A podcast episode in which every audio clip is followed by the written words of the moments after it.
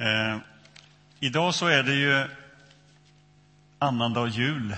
Stefanus har namnsdag, den första martyren. Och den här dagen i kyrkåret kallas också för martyrernas dag.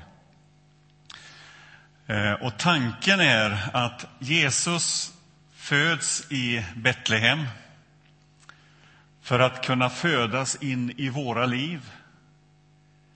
Och det livet får konsekvenser. Det sker någonting med det livet. Och eh, det får konsekvenser både på ett positivt sätt naturligtvis för världen men det blir också trångmål, lidande, förföljelse och svårigheter. Och det är det som de texterna som finns föreslagna för den här dagen handlar om. För några år sedan så var jag eh, med i en uppsättning av Passionsspelen i Örebro. Vi satte upp en, en ganska så stor föreställning som handlade om påskens drama. Och det var kör, orkester och aktörer som var med och framförde påskens drama i, i, i en lång föreställning, och många föreställningar. Och jag hade fått eh, rollen att spela Pilatus utav alla. Och det innebar att jag varje kväll tvådde mina händer och dömde Jesus till döden. Det var min uppgift. Det var ju ingen vidare uppgift precis, men eh, det ingick i de här spelen. Och i en av de här scenerna som var, vi hade noga memorerat in allt vad vi skulle säga, så stod Kajafas och jag och hade en dialog tillsammans.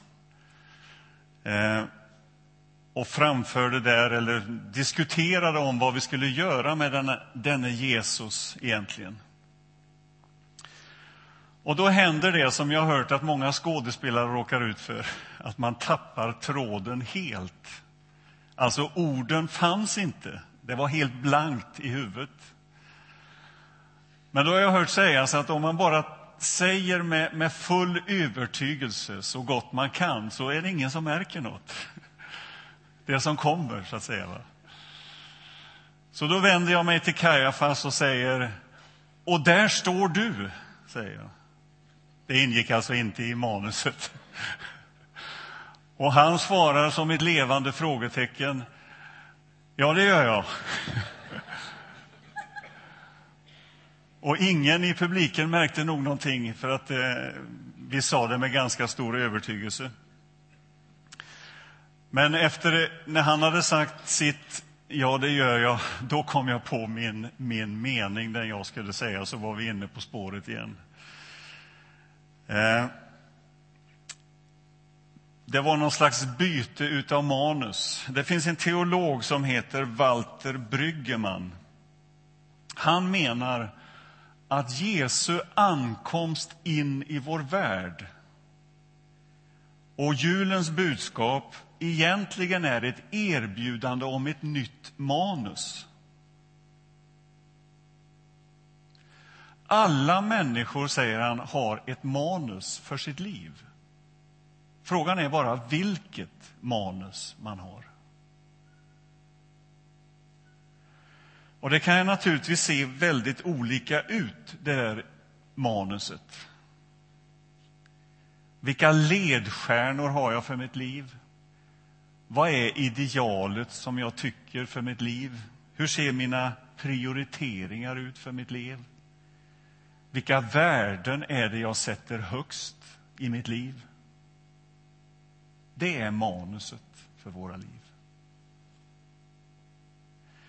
Jesus kom ju med sitt budskap om Guds rike som han ju trummade in oavbrutet i liknelser, i bilder, i sin undervisning.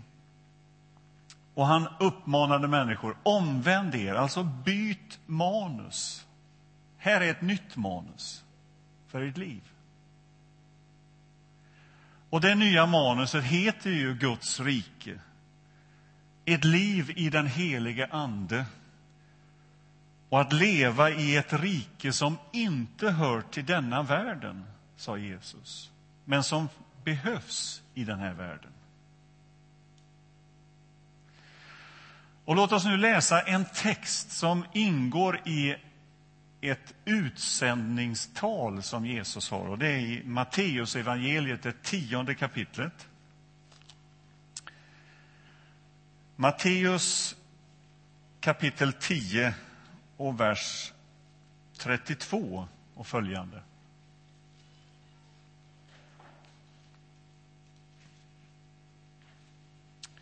Och det är på sidan 685.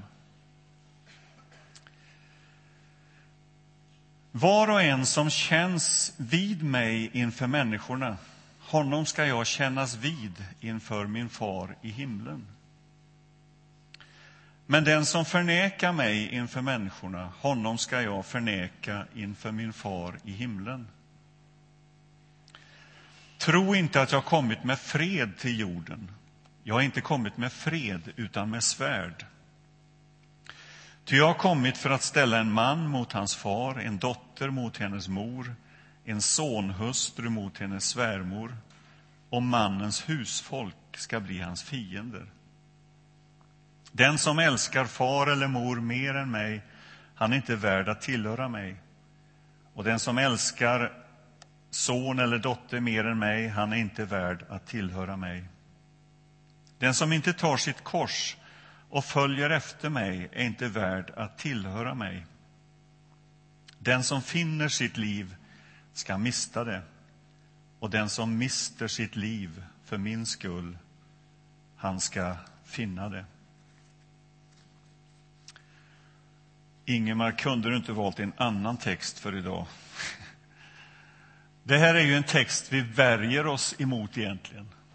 Vi hoppar gärna över den här typen av texter. Det finns ju andra som är bättre. Och till råga på allt så är det ju en text som egentligen, om man läser den ordagrant, motsäger det som vi har hört i sångerna om fred på jorden. Här talar Jesus tvärtom. Och vem av oss vill egentligen stanna vid en text som den här? Den går ju på, helt på tvärs mot vad julens budskap egentligen handlar om. Men då är det så här att för, för väldigt många människor så innebär detta att byta manus en fråga om liv eller död. Och det är faktiskt så här att kristna är den mest förföljda religiösa gruppen i världen idag. Det framkommer inte så ofta i debatten och så vidare. Och den stora majoriteten av kristna lever idag under helt andra villkor än vad vi gör som möts här. Den genomsnittskristna personen idag är en nigeriansk kvinna i 40-årsåldern. Inte en vit västerlänning. Det finns en, en, en hel rad med statistik vad, det, vad, vad gäller förföljelse mot kristna. Och jag ska inte nämna några siffror, för det är alltid vanskligt med siffror. Och det blir inte alltid rätt. Men faktum är att väldigt många idag lider för sin tro. Lider för det manus som man har antagit för sitt liv. Det man har valt att gå in i. Vår utmaning här i väst, det är ju helt andra hot som vi lever under. Sekularisering nämner vi ofta. Och så tänker vi kanske att sekularisering är någonting som sker där ute i samhället. Men det största hotet mot oss, för oss, det är sekulariseringen, oss allihop. Ordet sekularisering kommer av eh, ordet eh, sekel eller sekulum. Eh, och det är ju eh, egentligen ett ord som beskriver den här tidsåldern, eller denna tiden bara.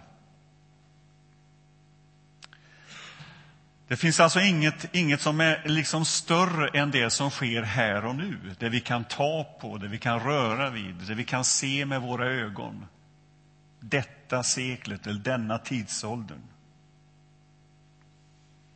Att få Guds manus, att gå in i Guds rike, det innebär att den begränsningen bryts.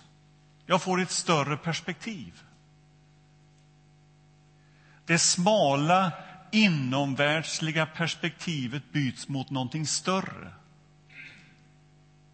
Det är inte bara det som är här och nu det handlar om. Och Bibelns enkla psykologi är ju att med hjärtat tror man. Och med hjärtat menas det centrala i mitt liv.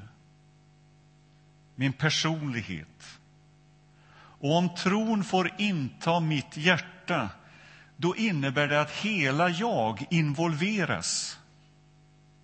Allt blir gudstjänst. Livet blir helt från att ha varit delat och uppsplittrat. Hela jag blir engagerad i trons liv. Det gäller allt i mitt liv. Det finns inte en centimeter av mitt liv som inte tillhör Gud. Manuset gäller alla områden av mitt liv.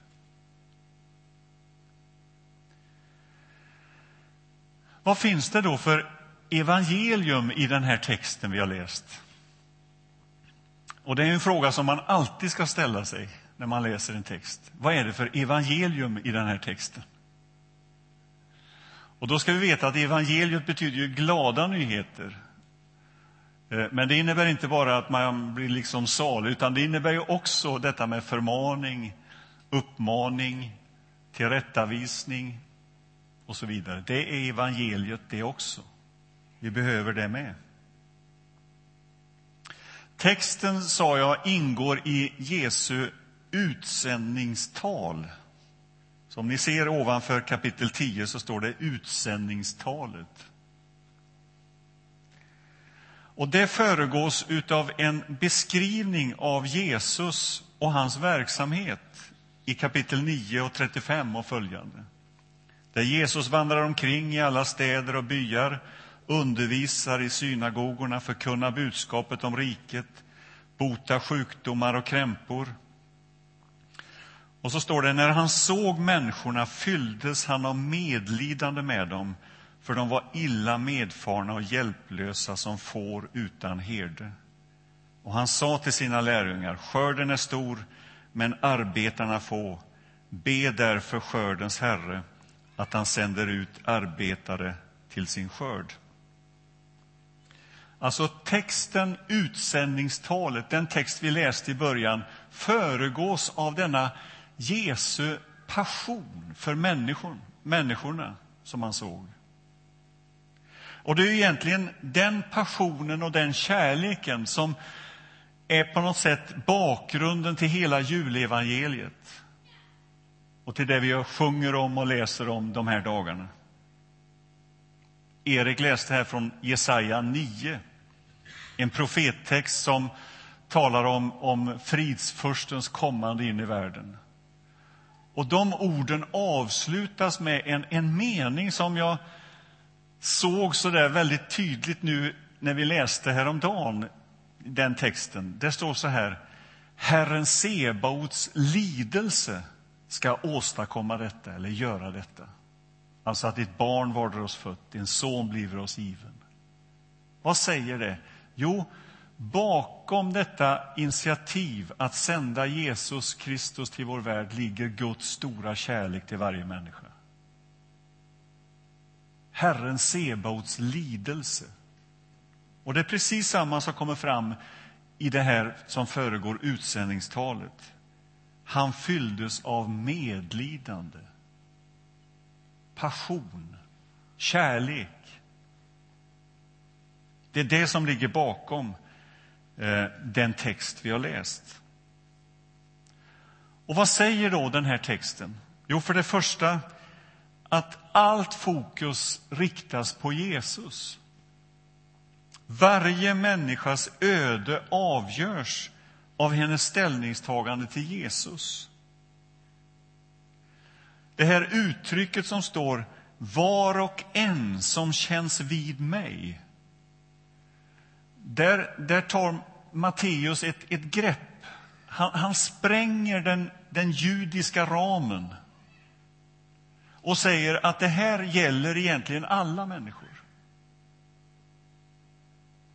Han får lärjungarna att lyfta blicken från, från det korta perspektivet, det nära perspektivet, att se hela världen, alla människor, var och en. Det är alla det. Och Jesus är den stora gåvan till alla människor. Ingen undantagen. På varje, varje namn på jorden finns på det paket, om vi får använda den bilden, som Jesus är till, till oss, var och en.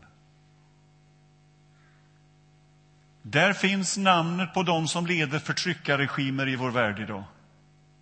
Det gäller dem. På det här paketet, på det här, står till exempel namnet Taimur Abdul Wahab. Det var han som sprängde sig i Stockholm förra veckan. Hans namn finns där också. Där står Ingemar Fager och där står ditt namn. Jesus kom för hela världen, alla människor. Det är det som ligger bakom den här texten. Så viktig är den. Så avgörande är Jesus för alla människor. Och måtte de få reda på det, höra det. Det är därför han sänder ut lärjungarna. Gå ut, berätta det. Låt dem få höra det, få del av det. Så älskade Gud hela världen att han gav sin son.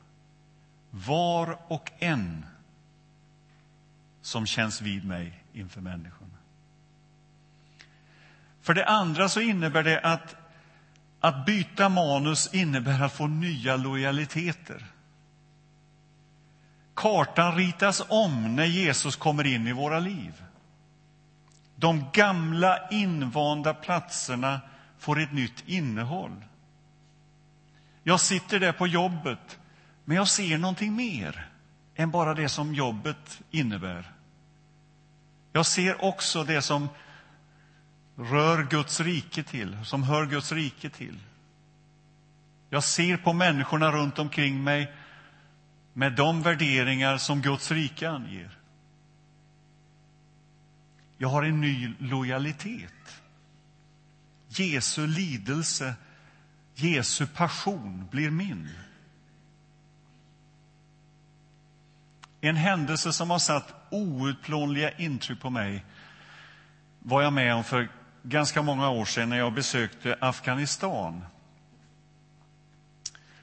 Och vi vet situationen i Afghanistan, hur, hur den är och har varit under många, många år. Där träffade jag en man som nyss hade blivit kristen. Och att bli kristen var ju, var ju inte enkelt i den situationen och i det samhället. Vi satt runt köksbordet. Det var utegångsförbud, gardiner för alla fönster. Eh, och vi satt där på kvällen. Och han uppmanade mig hela tiden, läs Bibeln för mig. Och jag läste, tolken översatte. Och så hade vi ett flera timmar långt samtal om vad kristen tro är för någonting. Han var hungrig. Jag har aldrig mött en så hungrig. Och när klockan började gå framåt över midnatt så skulle han försöka smyga sig hem i mörkret där på natten. Men så säger han, innan jag går så skulle jag vilja att vi bad tillsammans. Och han ville att vi skulle be för honom. Och jag frågade, vad vill du att vi ska be för? Och han svarade, be att jag får frimodighet och kraft att berätta om detta för min familj.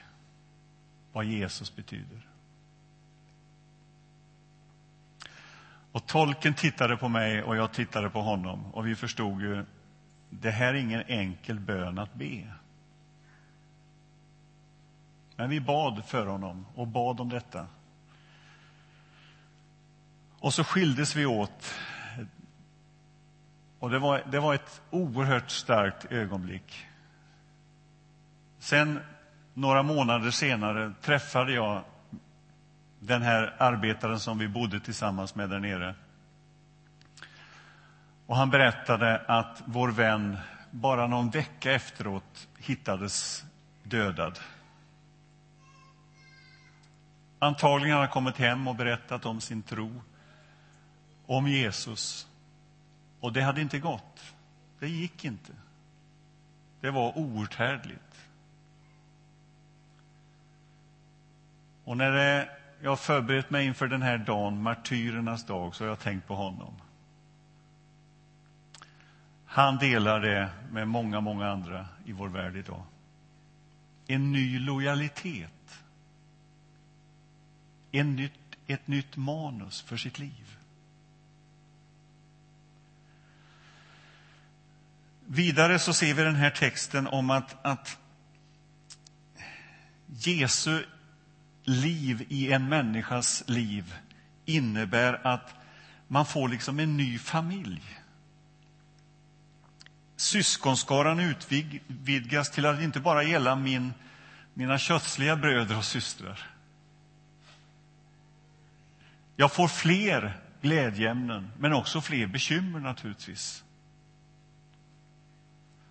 Och jag kan säga till min vän i Afghanistan, du är min bror. Och vi är bröder och vi är systrar. Familjen utvidgas, ett helt nytt perspektiv. Vidare så säger texten att jag också får ett nytt uppdrag i och med att Jesus kommer in i mitt liv. Överallt där jag går så får jag, om jag citerar texten, kännas vid Jesus, som det stod. Den som känner mig känns vid mig. Jesus är med överallt. Han är med i mina affärer. Han är med i mina relationer. Han är med i mina deklarationer. Han är med när ingen ser mig. Var jag än är, så är Jesus där. Och uppdraget är inte begränsat till ett visst område eller en viss uppgift, utan det gäller dygnets alla timmar. Nya uppdrag, en ny dimension, ett nytt sätt att se på livet. Och så säger Jesus de här svåra orden om, om kärleken till, till andra människor och, och kärleken till honom. Det betyder inte att min kärlek till, till nära och kära blir mindre. Men perspektivet vidgas också där, mot en större värld. Helt plötsligt så, så blir andra människors situation i andra delar av världen också mitt bekymmer och också mina glädjeämnen. En ny kärlek, en ny prioritering. Jesu kärlek till världen blir mitt uppdrag och min angelägenhet. Och så avslutar Jesus de här orden, de här svåra orden med den som finner sitt liv ska mista det och den som mister sitt liv för min skull, han ska finna det. Att en beskrivning av det här skiftet manusskiftet. Att finna livet i Jesus Kristus, det är att finna livet, det verkliga livet. Och Den här versen ställer liksom allt på sin spets på något sätt. Den som finner sitt liv, alltså för sig själv, han ska mista det. Men den som mister sitt liv för min skull, alltså ser att det är någonting större, någonting mer, han ska finna det. Och så är Jesu erbjudande till oss alla idag att få gå in under detta manus, att få del av ett nytt manus i sitt liv. nya värderingar. Att det som skedde där borta i Betlehem, att han får födas in i mitt liv, i min tanke, i min känsla, i mina värderingar, i mina prioriteringar. Det undret kan ske. Amen. Låt oss be. Tack Gud för din stora gåva till oss alla, Jesus Kristus. Och Jesus, vi vill öppna våra hjärtan för dig. Tack för att du vill leva med oss i den här världen. I oss och genom oss. Och vi ber att din kärlek ska nå till jordens yttersta gräns. Att ditt erbjudande ska få drabba alla människor. Tack att vi får öppna oss för dig, ta emot dig. Amen.